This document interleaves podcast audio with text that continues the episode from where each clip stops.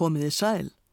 Hér á undan leik hljómsveitin Le Concert de Nation, gík úr tónlist eftir Jean-Baptiste Lully við leikritið Borgari sem aðalsmaður, Le Bourgeois Gentilhomme, eftir franska leikritaskáldið Molière. Stjórnandi var Jordi Savall. Á þessu ári eru liðin 400 ár frá fæðingu Molières en hann fættist í París í janúar 1622.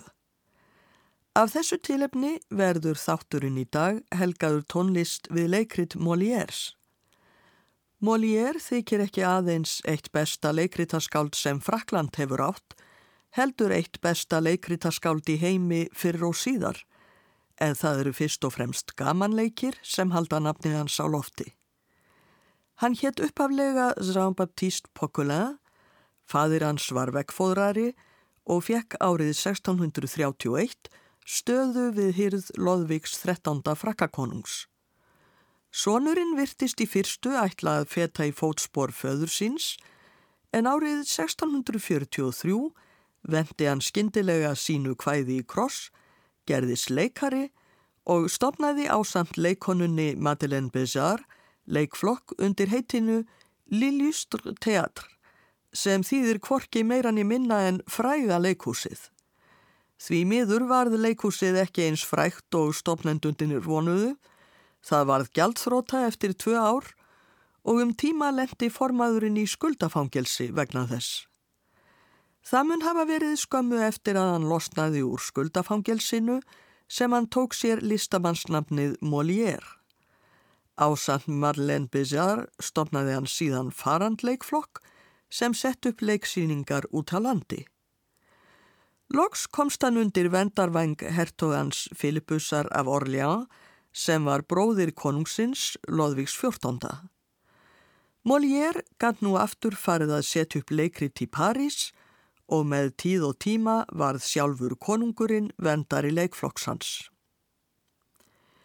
Fyrsta gamanleikrit Molière sem vakti aðtigli var Les Precious Ridicules, leikrit um tilgerðarlegar og hrókafullar stúlkur en þess má til gamans geta að árið 1872 var leikritið sínt á Íslandi undir heitinu Brottlóurnar. Á eftir komu leikritin Skanarell, eiginmannaskólin og eiginkvennaskólin sem öll þóttu vel hefnuð. Hins vegar bakaði Molière sér líka óvinnáttu í misra manna. Sumir álítu leikrit hans óseðleg Aðrir tóku háðið í leikritum hans til sín og stórmóðguðust. Mestanneikslið vakti leikritið Tartuf sem var frumsýnt í Versölum árið 1664. Það fjallar um slungin hræsnara sem þykist vera mjög trúaður og kirkjunarmenn reytu svo þessu leikriti að þeim tókst að láta setja bann á það. En Tartuf þykir nú eitt mesta meistaraverk Molières og er svo frægt að orðið tartuf er komið inn í franska tungu með merkinguna hræsnari. Og tónlistin sem flutt verður næst er einmitt úr tartuf.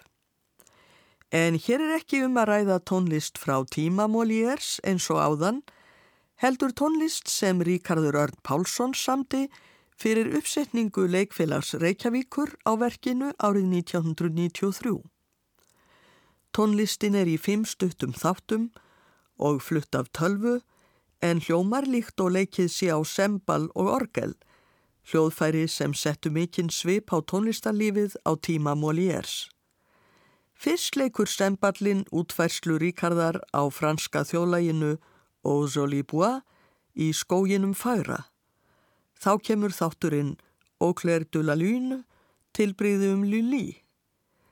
Franska þjóðlægið Claire de la Lune er stundum eignað tónskáldinu Lully sem var samtíðarmadur Molières og samti tónlist við sum leikrit hans. Ríkardur semur hér tilbriði við lægið og er meðal annars kostulegt að heyra það í búki-vúki búningi. Þriði þáttur heitir Prelude d'Org, Orgelpreludia og þá kemur Fuguet Chaotique sem þýðamætti lítil ringulreiðar fúka. Loks kemur pastoral, hjarljóð. Við heyrum nú leikús tónlist Ríkardar Arnar Pálssonar við Tartuf eftir Molière.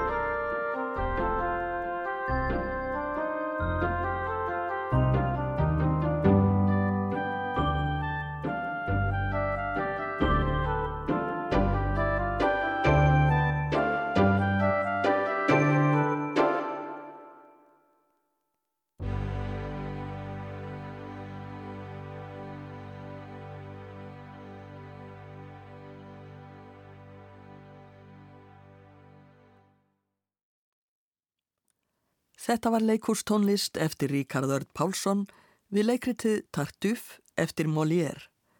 Tónlistin var flutt af tölvu sem ber nafnið Hyggvi Annar.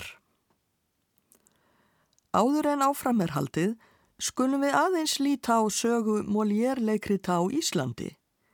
Íslensk leiklistarsaga er ekki laung, það er ekki fyrir ná 19. öld sem hér hefjast leiksýningar að einhverju marki og var þó aðeins um áhuga leikara að ræða þar sem hér var ekkert atvinnuleikhús. En miðað við okkar stuttu leiklistarsögu og takmörkuð tengsl við Frakland komast leikrit Molières furðu snemma upp á svið á Íslandi. Svo mikil voru dönsk áhrif hér á landi að fyrstu Molière síningar hér voru á dönsku. 18. januar 1860 var leikritið Læknir gegn vilja sínum, leikið á dönsku í gildaskálanum í Reykjavík undir heitinu Doktorin múð sín vilje. Og undir lokársins um jólaleitið 1860 leku kandidatar og prestaskólastúdentar annað leikrit Molières á dönsku. Það var leikritið Rekkjabröð Skapens sem hétt á dönsku Skapens skalkestuker. Fyrir þessa síningu málaði Sigurður Guðmundsson málari leiktjald sem þótti sérlega fallegt. Leikritið gerist í Napoli og á leiktjaldi Sigurðar mátti sjá borgina og fjörðin en í fjarska eldfjallið Vesuvius. Því miður er þetta leiktjald nú glatað en talaður um það í umsögn um leiksýninguna í blaðinu Íslendingi 18. mars 1861. Þar segir líka að í leikritinu komi fyrir svo margt hlægilegt að maður geti varla gert að sér að hlæja út undir bæði eiru.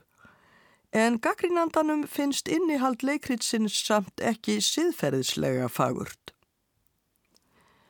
Í kringum áramótin 1872 til 3 tóku kandidatar og prestaskólastúdendar sig aftur til og leku kvorki fleirinni færri en fjögur leikrit eftir Molière og nú var leikið á íslensku. Leikritin fengu íslensku tillana Rekkjabröðskapens, Læknir gegn vilja sínum, Neittur til að giftast og Brottlóðunar. Aftur sá Sigurður Málari um leiktjöld og búninga og þótti hvortvekja vel hefnað. Um áramótin 1873 til fjögur voru leikritinn fjögur sínd aftur. Leikritið Læknir gegn vilja sínum fjallar um mann að nafni Gironde sem ætlar að neyða dóttur sína, Lucindu, til þess að giftast manni sem hún elskar ekki en hún er leinilega trúlofuð öðrum. Lucinda gerir sér þá upp sjúkdóm og þykist vera orðin mállaus Gerónd fær læknin Skanarell til þess að lækna dóttur sína en hann er ekki læknir í raun og veru. Í bladinu Víkverja 9. janúar 1874 má finna nokkuð finna endursögn af söguþræðinum í leikritinu. Bladamaðurinn íslenskar nafnið Gerónd svo það verður Geronti og auk þess blandar hann lauruglu þjóninum Alexíusi Árnarsinni inn í málið en hann var helsti laureglumadur Reykjavíkur á þessum tíma kallaður Alexius Politi. Unnusti Lúsindu Gerondadóttur segir honum núið sanna veikindum Lúsindu og byður hann að hjálpa sér að geta flúið með unnustu sinni. Doktorinn gerir það en þegar Gerondi þá vil láta sækja Alexius Politi og taka doktorinn fastan koma Lúsinda og unnusti hennar aftur og fá samþykki Geronda til hjónabansins. Og það er einmitt leikritið Læknir gegn vilja sínum, Le Médecin Malgré Louis, sem við heyrum næst brotur. Þetta leikrit samdi Molière árið 1666, sama ár og Passíusalmar Hallgríms Péturssonar komu út. Aðalpersonan er drikkjurúturinn Skanarell.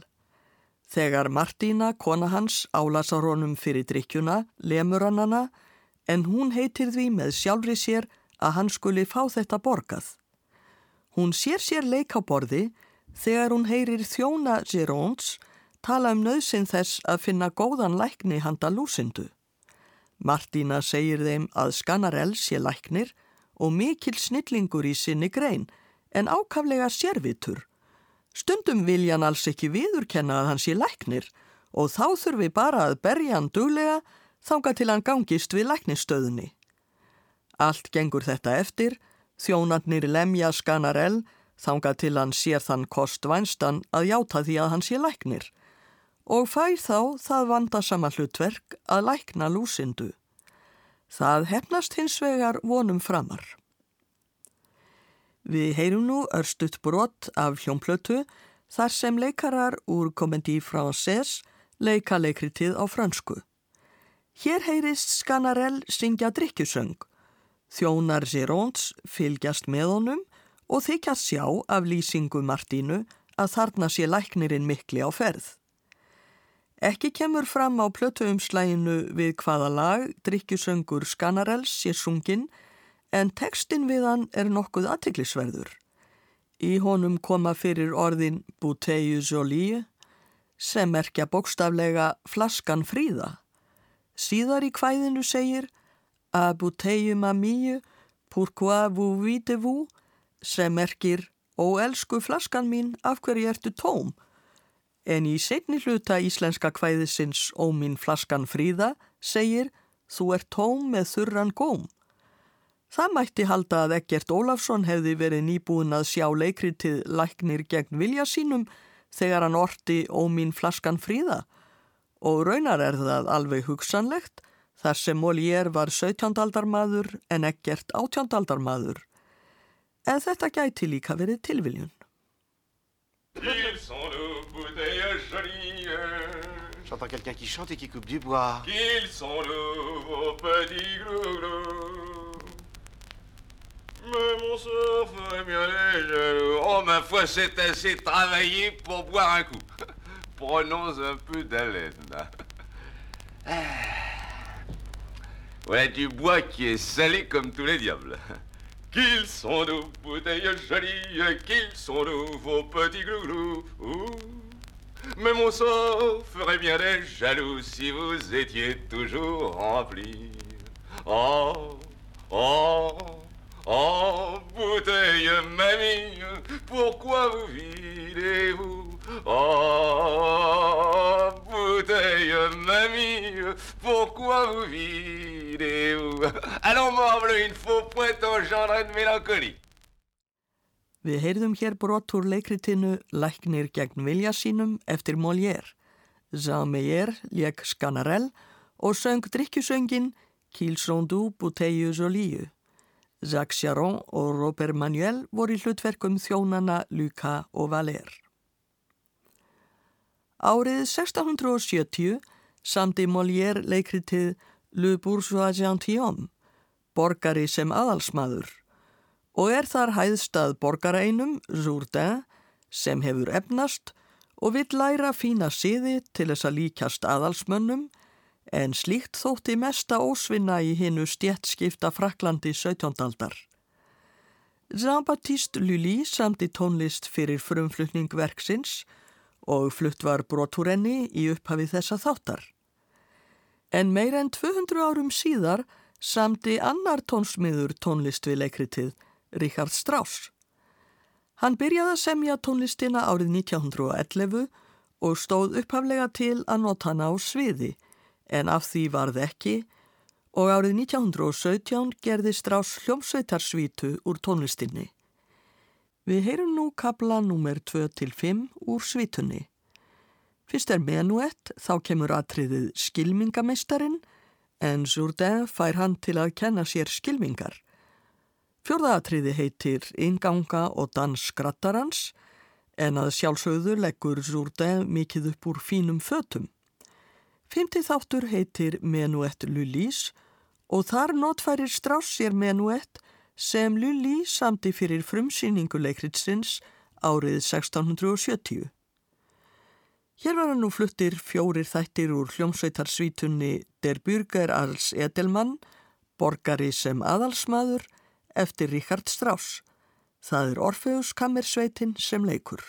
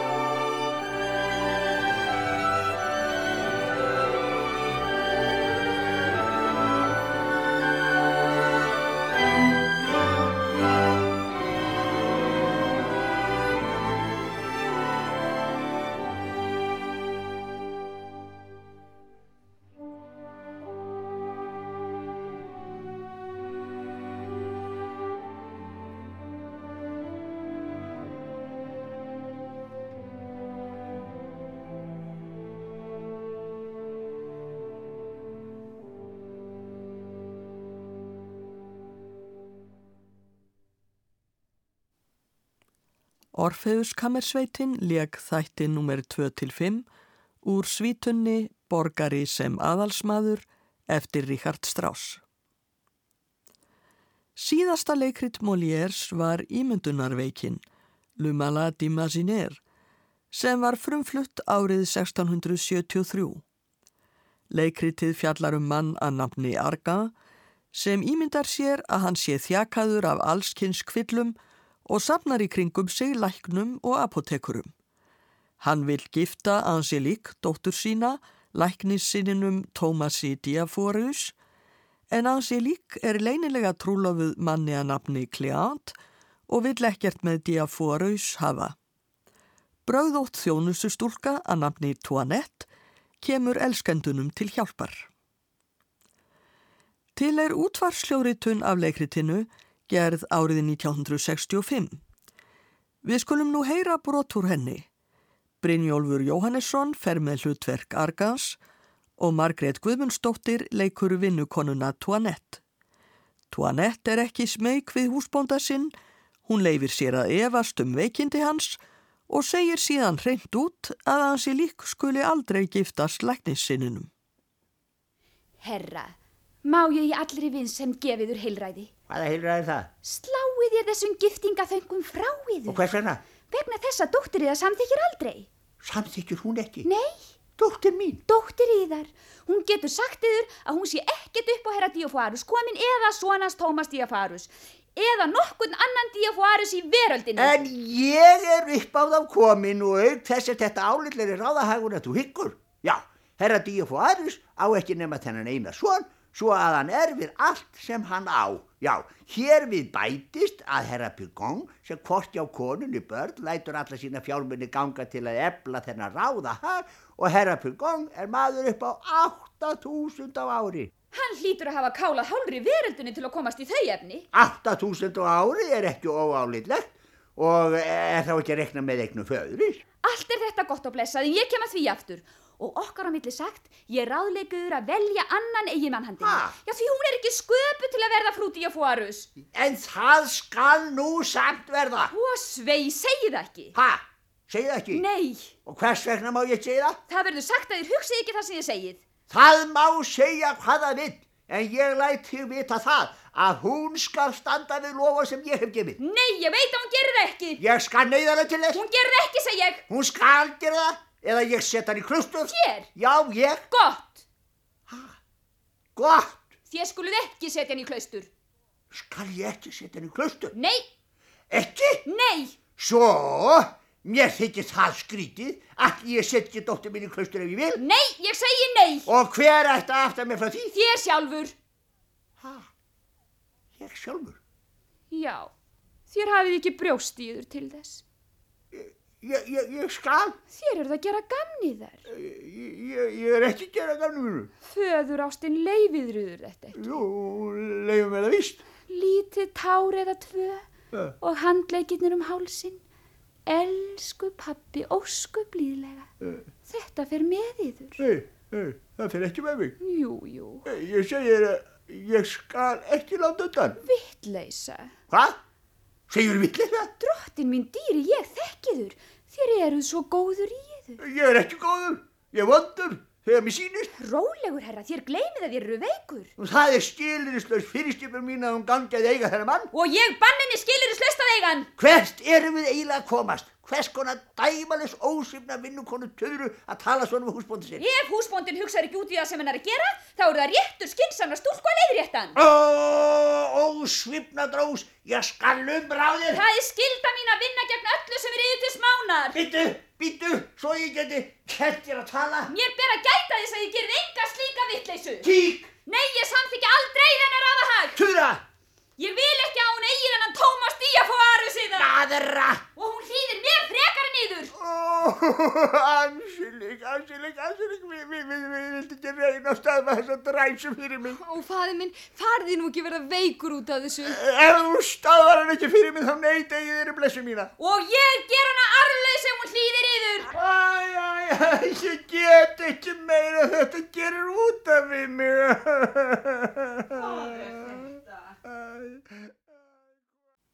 Þetta var brott úr ímyndunarveikinni eftir Molière, útvarsljóritun frá 1965. Brynjólfur Jóhannesson leik hinn ímyndunarveika Arga og Margrét Guðmundsdóttir leik vinnukonuna Toinette. Einni heyrðist í Valgerði Dan í hlutverki Anselík og í lokin heyrðist aðeins í Guðbjörgu Þorbjarnadóttur í hlutverki Belín. Leikstjóri var Helgi Skúlason og Láru Sigurbjörnsson þýtti leikritið. Í einu af atriðum ímyndunarveikinar þykist Kleant vera söngkennari til þess að geta hitt ansi lík. Argan föðurannar grunar ekkert, ekki einu sinni þegar þau syngja ástardúett fyrir framannan, því allt á þetta að vera hluti af söngkennslunni, lítil spuna ópera eins og það er kallað. Hins vegar er Argan undrandi hvað dóttir hans er snjöll að syngja eftir nótum og honum finnst tekstinn ekki sérlega siðsamur. Við heyrum nú hérna upphaflegu tónlist við ástardúettinn. Hún er eftir Marc-Antoine Charpentier en þeir Molière tóku upp samvinnu eftir að Molière hafði sinnast við tónskáldið Lully. Denis Léger Milot er hér í hlutverki Cléance en Isabelle de Roche syngur Angélique. Jean d'Autremé er í hlutverki Argans, hann syngur ekki en kemur við og við með aðtugarsendir. Við heyrum nú litlu spuna óperuna úr ímyndunarveikinni, tónlist eftir Marc-Antoine Charpentier.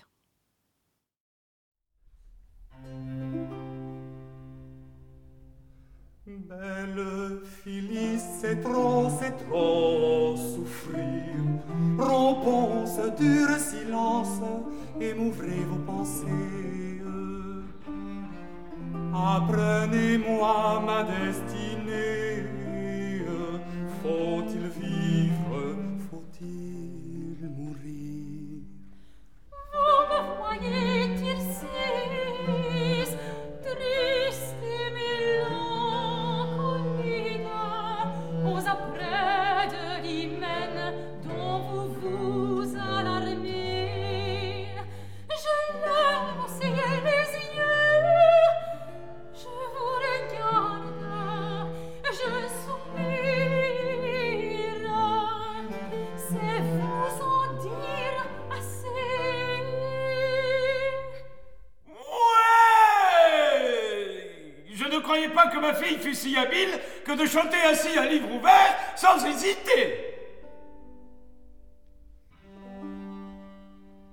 Hélas, belle Phyllis, se pourrait-il que l'amoureux Tircis eût assez de bonheur pour avoir quelque place dans votre cœur?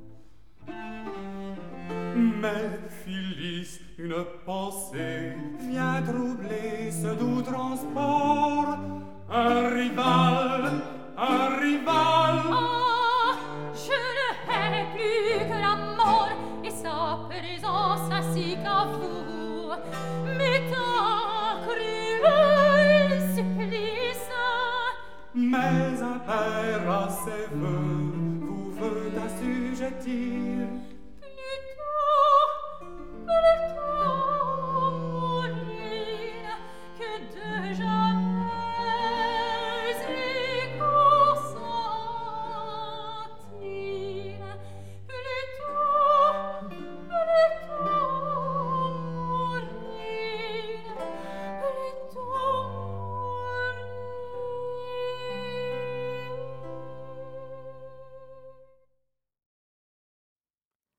Þetta var lítil spuna-ópera, tónlist eftir Marc-Antoine Charpentier, við leikritið Ímyndunarveikin, Le Malade d'Imaginaire, eftir Molière.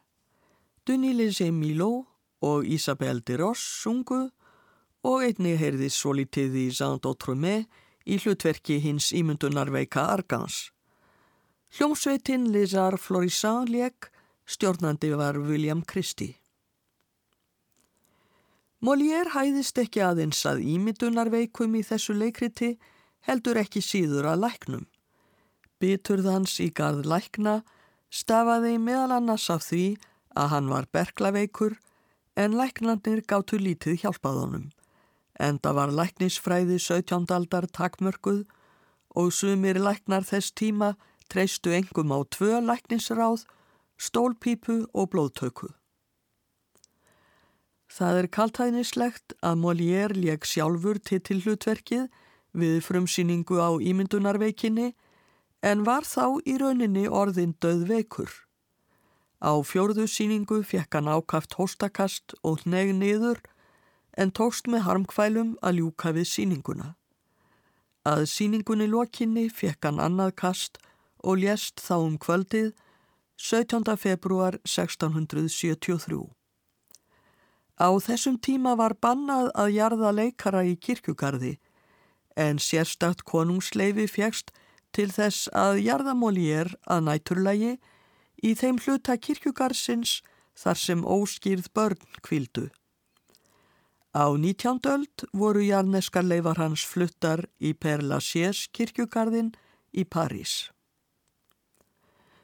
Við endum þennan þátt með lokakór úr ímyndunarveikinni. Arga hefur þá ákveðið að gera slæknir sjálfur.